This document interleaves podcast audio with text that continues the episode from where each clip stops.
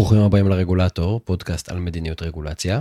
אני גיא מור, והיום נשאל מה קרה למדד Doing Business, והאם הוא סיים את דרכו. בטח שמעתם על מדד קלות עשיית עסקים, באנגלית Doing Business של הבנק העולמי. אז הפרק הזה הוא פרק מיוחד שבו אנחנו uh, נעמיק ונתעמק במדד הזה. בחלק הראשון של הפרק נבין איך המדד הזה עובד. בחלק השני אספר לכם על פרשה דרמטית שנחשפה בשנים האחרונות. ובחלק השלישי ננסה להבין האם מדד כזה עלול להשתבש או עלול אולי לעוות את המדיניות. אז נצא לדרך. מדד Doing Business פועל מאז 2002, והוא בוחן כ-190 מדינות שונות לפי מספר קריטריונים שכולם קשורים בפתיחה ובתפעול של עסקים. היופי במדד הזה זה הפשטות שלו. יש שיגידו שזאת החולשה שלו. רגולציה היא עניין מורכב. יש עלויות, יש תועלות, יש כל מיני סוגים של מדיניות, מה קורה אם אינטרס אחד מתנגש עם אינטרס שני, שאלות של ודאות, שאלות של אחידות. השפעה על עסקים קטנים מול השפעה על עסקים גדולים, איך הרגולציה משפיעה על חדשנות, איך היא משפיעה על תחרות, ועוד המון שיקולים. זה מאוד מסובך להתייחס להכל. הבנק העולמי בחר בגישה מעניינת בעיניי. המדד של הבנק העולמי מתמקד בבירוקרטיה, וזה מאוד מפשט את כל הסיפור. בנוסף, הם רצו מדד שמאפשר לתת ציון לכל מדינה, ולא התייחסות מילולית כזאת פתוחה. ולכן רוב השאלות, הניקוד לרוב השאלות, בנויים בצורה בינארית. זאת אומרת, או שאתם מקבלים ניקוד על השאלה או על הקריטריון, או שלא. אין באמצע. זאת אומרת, שואלים, סתם לדוגמה, האם אפשר להגיש דיווחי מס באינטרנט? כן, קיבלתם 5 נקודות, לא, לא קיבלתם נקודות. סתם דוגמה לצורך העניין. כמו שאתם מבינים, זה פשוט וזה אפקטיבי. מצד שני, זה לא מדויק לגמרי. במדד דיוג ביזנס מתפרסם כל שנה בחודש אוקטובר, בשנים האחרונות, והציון שאתם רואים בעצם, אתם רואים בעצם גם ציון וגם דירוג, אוקיי?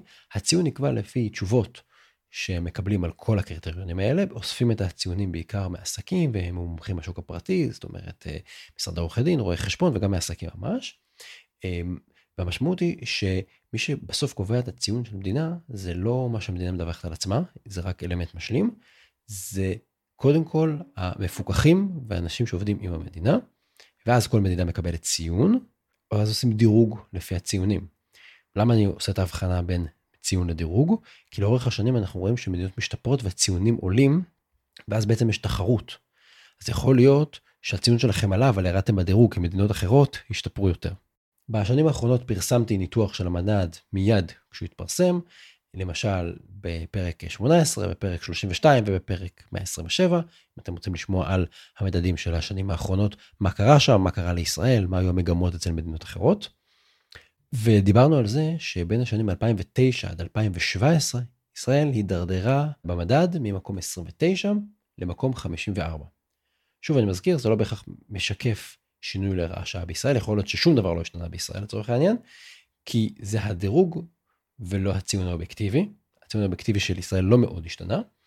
כנראה שזה היה יותר שיפור במדינות אחרות, כי אמרנו שהמדד הוא יחסי. בכל מקרה, לשמחתנו המגמה הזאת נבלמה, ובין 2017-2019,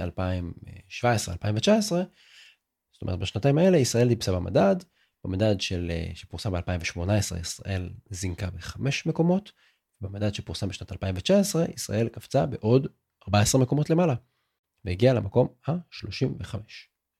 אלה היו תוצאות מאוד משמחות, כי הן מעידות על רצינות מצד הממשלה בתחומים שנכללים במדד, וגם על זה שהעסקים שמדווחים ומשתתפים בשאלונים של הבנק העולמי באמת דיווחו על שיפור. זה משמח מאוד. אבל כנראה שאנחנו לא נשמע עוד חדשות משמחות כאלה. ב-27 לאוגוסט 2020, הבנק העולמי יצא בהודעה חריגה. הבנק העולמי הודיע שהוא משהה את הפרסום של המדד ופותח בבדיקה מיוחדת בגלל חריגות במידע שהוגש אליו. ולפני שנוכל להבין מה קרה למדד, אנחנו צריכים להתחיל בהתחלה ולשאול מה המדד הזה בכלל מודד. אז מדד Doing Business מודד בעיקר את קלות עשיית העסקים, בדגש על בירוקרטיה, אבל לא רק. הוא מודד גם יעילות של שירותים ציבוריים, למשל כמה זמן נמשך הליך משפטי בבית משפט, והאם הממשלה מספקת תשתית בסיסית, למשל, האם אה, כל חלקות הקרקע מופו ורשומות באופן מסודר, ומצד שני הוא גם מסתכל הרבה על רגולציה, כמה זמן לוקח לקבל אישור מסוים ודברים מהסוג הזה. עד היום, המדד הלך והתגבש והגיע למצב שהוא בנוי מ-11 נושאים. אני מציג לכם אותם פה כרונולוגית לפי השלבים בחייו של עסק.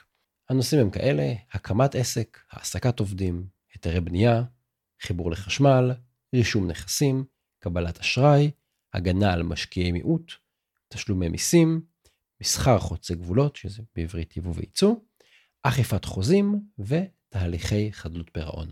רשימת הנושאים הזאת נועדה לזהות שלבים מרכזיים בחייו של עסק ולאתר חסמים שמקשים בעיקר על עסקים קטנים ובינוניים או על הקמה של עסקים חדשים. זה הפוקוס של המדד. ולכן בעיניי המדד הזה חשוב, הוא גם מצלם תמונת מצב, אבל גם מתייחס לקטנים, ובגלל שהוא מדבר על הקמה של עסקים חדשים, הוא גם מסמן לעסקים ולמשקיעים איפה כדאי להם לפתוח עסק. אז זה מה שהמדד מודד. מה המדד לא מודד? בשנת 2013, ועדה עצמאית של הבנק העולמי פרסמה דוח ביקורת על מדד doing business. והם הצביעו בדוח הזה על שורה של ליקויים, למשל שהמדד לא מתייחס לסקטור של הייטק וטכנולוגיות מידע. וגם שהמדד אמנם בודק את הרגולציה, אבל הוא בודק את הרגולציה לפי הנהלים על הנייר, ולא תמיד לפי מה שקורה במציאות. ויכול להיות פער. זה קריטי, כי יכול להיות שעל הנייר יש תהליך שנראה מצוין, אבל בפרקטיקה יש עסקים שלא מקבלים שירות, או שמפקחים בשטח דורשים להגיש עוד מסמכים. אולי המדינה קבעה לעצמה לוחות זמנים שהיא הגדירה, אבל היא לא עומדת בהם. באמת, בעקבות הדוח של הוועדה העצמאית הזאת מ-2013, הבנק העולמי עשה שורה של תיקונים, ולמשל הוא הגביר מאוד את המשקל של מה שאומרים עסקים ומומחים מהמגזר הפרטי על הרגולציה בפועל, ולא להסתפק רק על מה שהממשלה קבעה או על מה שהממשלה אומרת. ועדיין יש לא מעט אה, פערים במדד הזה, למשל, יש הרבה תחומים שהמדד הזה בכלל לא מתייחס אליהם, או מכסה אותם בצורה מאוד חלקית. המדד לא מתייחס לרגולציה סביבתית, לרגולציה על תחבורה, גם על תחבורה באופן כללי וגם על תשתיות ועל תחבורה ציבורית. הוא לא מתייחס למחירי המזון, לתקשורת, בין אם זה אינטרנט או סלולר או תקשורת קווית. הוא לא שואל שאלות על מידת התאימות לרגולציה בינלאומית, האם יש מגבלות לדיגיטציה של שירותים, למשל, האם בנק יכול לספק לעסק שירות דיגיטלי מלא, ויש הרבה דברים שמדע doing business לא מתייחס אליהם ולא מטפל בהם. הסיבה שהנושאים האלה נשארו בחוץ זה שהמדד כולל דברים שאמורים להיות רלוונטיים באופן רוחבי לכל סוגי העסקים וגם דברים שהם יהיו פשוטים. ובאופן פרדוקסלי, כל המערך המסיבי למשל של רישוי עסקים נשאר מחוץ למדד קלות עשיית עסקים. כי רישוי עסקים הוא לא מתייחס לכל העסקים, רק לעסקים שהמדינה קבעה שצריכים רישיון עסק. אז הנה דוגמה מדהימה ל blind spot של מדד ה Doing Business. התוצאה היא שהמדינה יכולה לשפר או לדרדר את הרגולציה שלה דרמטית, אבל זה בכלל לא יופיע במדד, כי זה קריטריון שהמדד לא בודק. למשל, יכול להיות שיוגוסלביה שיפרה מאוד את הרגולציה הסביבתית שלה, או שארגנטינה יצרה רגולציית פרטיות מאוד מאוד מכבידה, מסורבלת ומיושנת, אבל המדד בכלל לא שואל את זה. ולכן הדברים האלה לא יבואו לידי ביטוי. ואז אפשר לשאול, מה הערך במדד הזה אם הוא לא מודד את כל התמונה? זאת שאלה טובה. וצריך לזכור, המדד הזה בודק דברים מאוד מאוד מסוימים ואי אפשר לבדוק הכל. אמרנו, זה עולם מאוד מאוד מורכב. בסוף מה שהמדד הזה עושה, הוא בעצם מבוסס על קייסים. נניח אה, שאלה תהיה מנוסחת ככה, עסק רוצה לבצע פעולה X, כמה זמן הוא יצטרך לחכות לאישור ממשלתי בשביל לבצע את הפעולה הזאת. ובגלל שהמדד הזה בודק 190 מדינות וכלכלות, שהן מאוד שונות אחת מהשנייה, תחשבו, מקנדה ועד מונגוליה, אז לא כל הקייסים האלה מתאימים לכל המדינות. למשל, יש להם שאלות בתוך הקטגוריה הזאת של חיבור לחשמל, יש להם שאלות שבוחנות סוג מסוים של חיבור לחשמל. וזה חיבור חשמל שממש נדיר בישראל. אז אותו קריטריון נמצא בתוך המדד והוא משפיע על הדירוג של ישראל במדד, אבל הוא כמעט לא משפיע על עסקים בישראל. זה גם קצת פרדוקסלי, אבל, אבל זו שיטת הקייסים. חוץ מזה, אם אנחנו מדברים על רגולציה proper, אז מדד Doing Business בודק את הנטל על העסקים, אבל הוא מתעלם מהרבה תועלות חשובות של הרגולציה. כי אמרנו, הוא שואל כמה זמן ייקח לי, כמה כסף ייקח לי, הוא לא שואל מה הערך שאנחנו מקבל מהרגולציה. למשל, נניח שאין לנו רגולציה סביבתית, אז ערים עלולות לסבול מזיהום אוויר, וזה יפגע באזרחים, אפשר גם להגיד שזה יפגע בעסקים. אבל המדד לא מדבר על התועלות. למעשה, בשבעה מתוך 11 הנושאים, הדגש במדד הוא על צמצום בירוקרטיה. למשל, הם שואלים שאלות כמו האם אני יכול להגיע לנקודה אחת ולקבל בה טיפול לכל הצרכים שלי, גם אם אני צריך להתמודד מול מספר רשויות ממשלתיות. זה נקרא one stop shop. הם שמים דגש על דיגיטציה, על צמצום זמני המתנה, על חיסכון בעלויות. המדד לא מתחשב בנושאים האלה בתוכן של הרגולציה, ולכן הוא ממש לא מתחשב בתועלות מהרגולציה. וזה חבל. אז הבנו את מדד doing business, מאיפה הוא הגיע, מה היתרונות שלו וגם מה המגבלות שלו. ועכשיו אנחנו יכולים לחזור לדבר על הפרשה שטלטלה את הבנק העולמי בשנים האחרונות. לא הרבה אנשים זוכרים שבשנת 2018 התפוצצה פרשה סביב המדד. בכירים בבנק העולמי ביצעו מניפולציות על המדד ופגעו בכמה מדינות. נראה שהנפגעת העיקרית הייתה צ'ילה. אותה פרשה נחקרה, נבדקה, הסתיימה, והמשכנו הלאה. אבל כמו שסיפרתי, באוגוסט 2020 התפוצצה פרשייה אחרת. הבנק העולמי יצא בהודעה חריגה, הוא אמר שהוא משהה את הפרסום של המדד ופותח בבדיקה. פורמלית, הבנק העולמי אמר שהוא מחכה לתוצאות הבדיקה, והוא לא מאשים אף מדינה באופן ספציפי. אבל הבודק החיצוני שמונה הודיע די מהר שהיו מניפולציות בנתונים של אזרבייג'אן, סין, ערב הסעודית ואיחוד האמירויות. בהתאם, המדד לא פורסם בשנת 2020, וזה גם היה קשור בבעיות שהתגלו באותה בדיקה פנימית, והחשד היה בעצם שמספר מדינות מסרו מידע מטעה מן הסתם כדי לקבל דירוג משופר. ולאור הממצאים של הבדיקה הפנימית, הבנק העולמי הבין שזה לא ייגמר בבדיקה כזאת, ולכן הבנק העולמי הכריז על חקירה בלתי תלויה. החקירה הזאת נמשכה כמעט שנה, ובחודש ספטמבר 2021 התפרסם דוח החקירה של משרד עורך דין חיצוני שהבנק העולמי שכר. הדוח הזה זעזע את הבנק העולמי. לפי הדוח, החשדות הן שבכירים בבנק העולמי עזרו באופן אקטיבי לבצע מניפולציות בדירוג כדי לסייע לסין ולערב הסעודית. בעקבות הפרסום הזה היה עיסוק צהוב, כמו קריאה לפטר מנהלים בבנק הלאומי, וקריאה לתקן את המדד, כי המדד הזה הוא מיטיב עם מדינות כמו סין, אבל אני חושב שזה די שטחי. ולדעתי הרבה יותר מעניין וגם הרבה יותר חשוב, לנסות להבין מה הבעיות במדד עצמו ובמדדים דומים, שבכלל מאפשרות מניפולציות כאלה, ולפעמים אפילו מזמינות מניפולציות כאלה. אז עכשיו בואו ננסה לצלול לשאלה מה קרה למדד ומה השתבש. ראינו שמדד doing business יצר דירוג מאוד ברור ומאוד פשוט, וזה מה שנתן לו את המעמד הכמעט רשמי לקביעת היוקרה של מדינות. ובהתאם, הוא גם השפיע על החלטות עסקיות כמו החלטות של תאגידים איפה להשקיע. למשל, מחקר של הבנק העולמי מצא שכאשר מדינה מצליחה לשפר את הציון שלה, לא את הדירוג, את הציון, באחוז אחד, יש לזה מתאם להגדלת ההשקעות הזרות במדינה בהיקף של בין 250 מיליון דולר ל-500 מיליון דולר. אגב, לא בדיוק ברור אם יש פה סיבתיות ולאיזה כיוון, זאת אומרת, לא ברור אם השיפור במדד מושך יותר משקיעים והשקעות למדינה, כי הוא בעצם מספק להם מידע שזאת מדינה שכדאי להיות בה, או שמדינות שמשפרות את הרגולציה שלהן מושכות יותר השקעות בגלל שהן יותר טובות, וזה גם בדיעבד מתבטא במדד, כי אנשי הבנק ראיינו את החברות ואת העסקים. אבל בכל מקרה, הם הצביעו על סיבתיות אה, די משמעותית בין המדד לבין שחברות רוצות לעשות עסקים באותן מדינות. וזו בדיוק הייתה המטרה של המדד לכתחילה, לקחת את העולם הסופר סבוך, רחב ומורכב הזה של רגולציה, העולם הזה שיכול לפרנס מאות פרקים של הפודקאסט, ולתת שורה פשוטה וברורה שאתם לא צריכים להבין שום דבר ברגולציה כדי לדעת שישראל עלתה או ירדה. ומי שאוהב במיוחד את הפשטות הזאת, אלו פוליטיקאים ועיתונאים. הם אוהבים שורות תחתונות פשוטות. וזאת הסיבה לדעתי שכולנו שמענו על המדד הזה ולא על מדדים אחרים. למדד יש את מדד איירג של ה-OECD, שמעתם עליו? כנראה שלא. ומפה אפשר להתחיל להבין איך המדד הזה יכול להשתבש ואיך הוא עלול לקלקל אותנו. אפשר לטעון שהמדד הזה הוא טוב. הוא מייצר תחרות בין המדינות. תחרות על שיפור הרגולציה. תחרות על צמצום בירוקרטיה. מה רע בזה?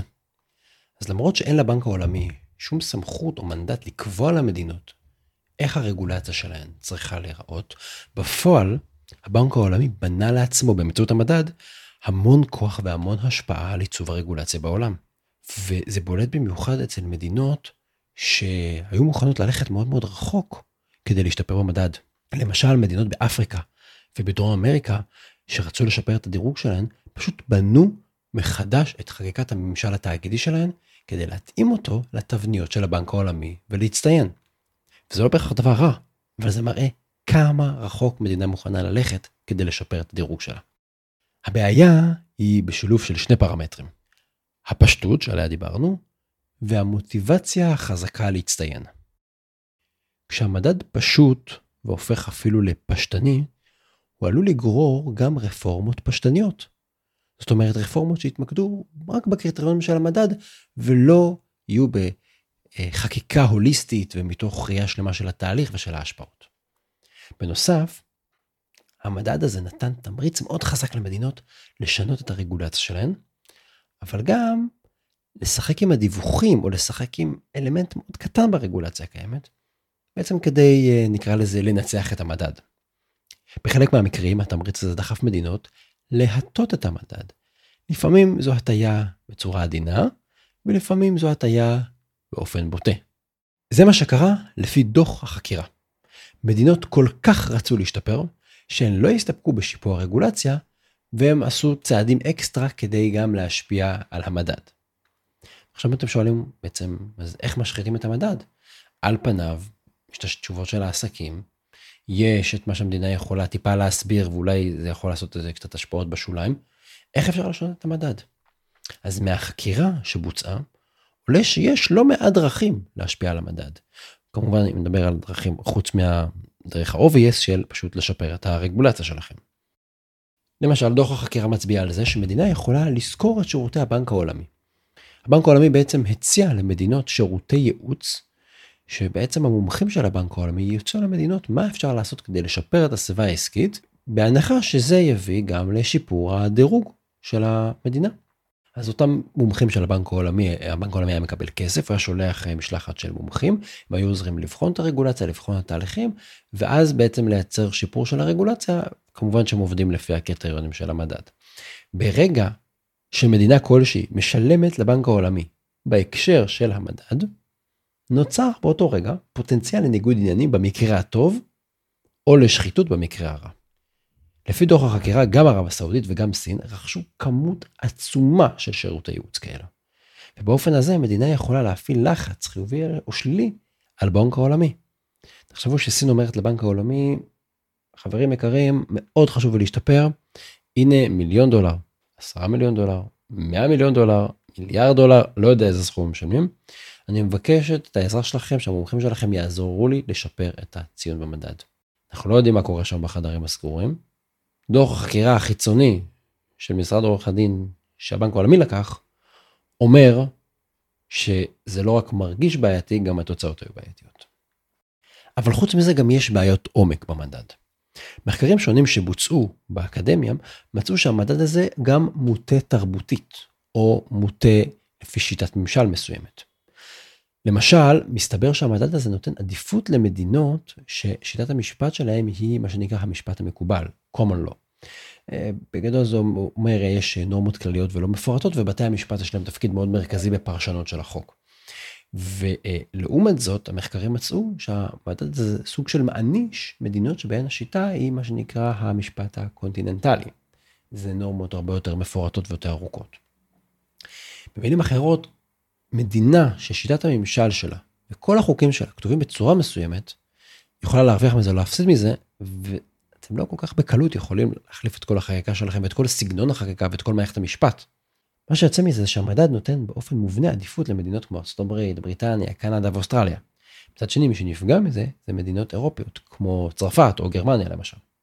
אבל לא רק, כי צרפת וגרמניה, בצרפת יש אה, קוד כבר 200 שנה, אבל יש מדינות שהיסטורית מבוססות על המודל הצרפתי, נגיד עוד מהתקופה הקולוניאלית שלהם, או מהתקופה שהם בנו את מערכות החוק והמשפט שלהם.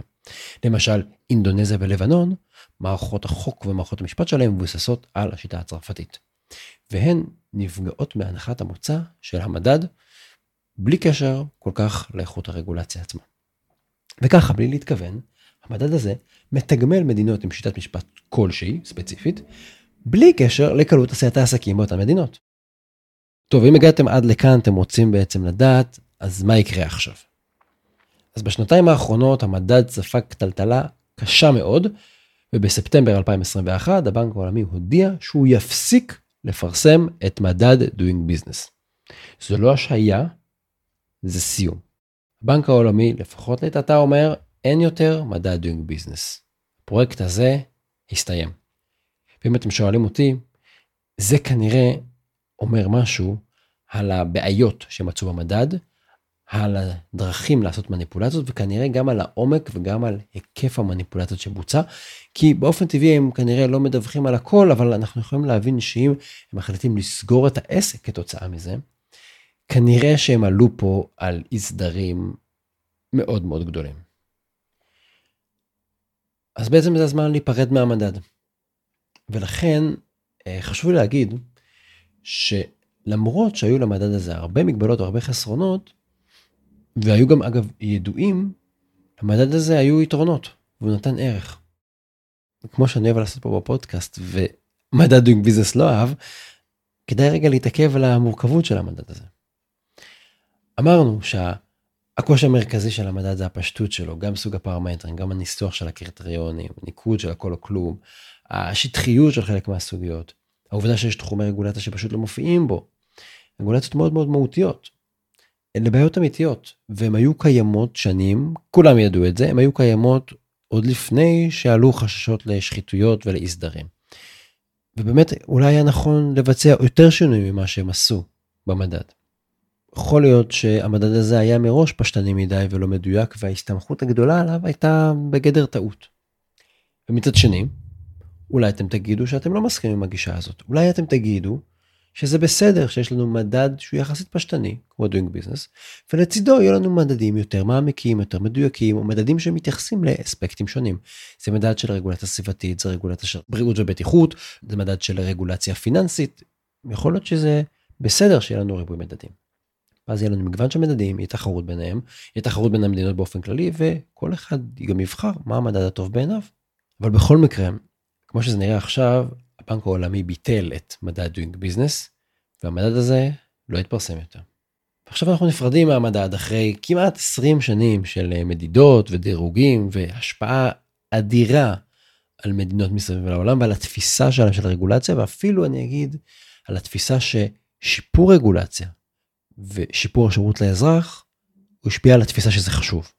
ולכן, אם צריך להספיד את המדד, אני אגיד שלמרות כל המגבלות שלו, מדידה היא כלי סופר חשוב לכל מנהל ולכל קובע מדיניות, ואנחנו כנראה נתגעגע למדד doing business, ואנחנו נצטרך מדד כזה או אחר שיבוא במקומו. אז להתראות לך מדד doing business, תודה רבה, ואנחנו נתראה בפרק הבא של הרגולטור. אתם מוזמנים להיכנס לאתר האינטרנט שלנו, regulator.online, הרגולטור, תוכלו למצוא שם את החומרים של הפרק הזה, כולל הפניות למקורות ולמסמכים ודוחות החקירה למשל.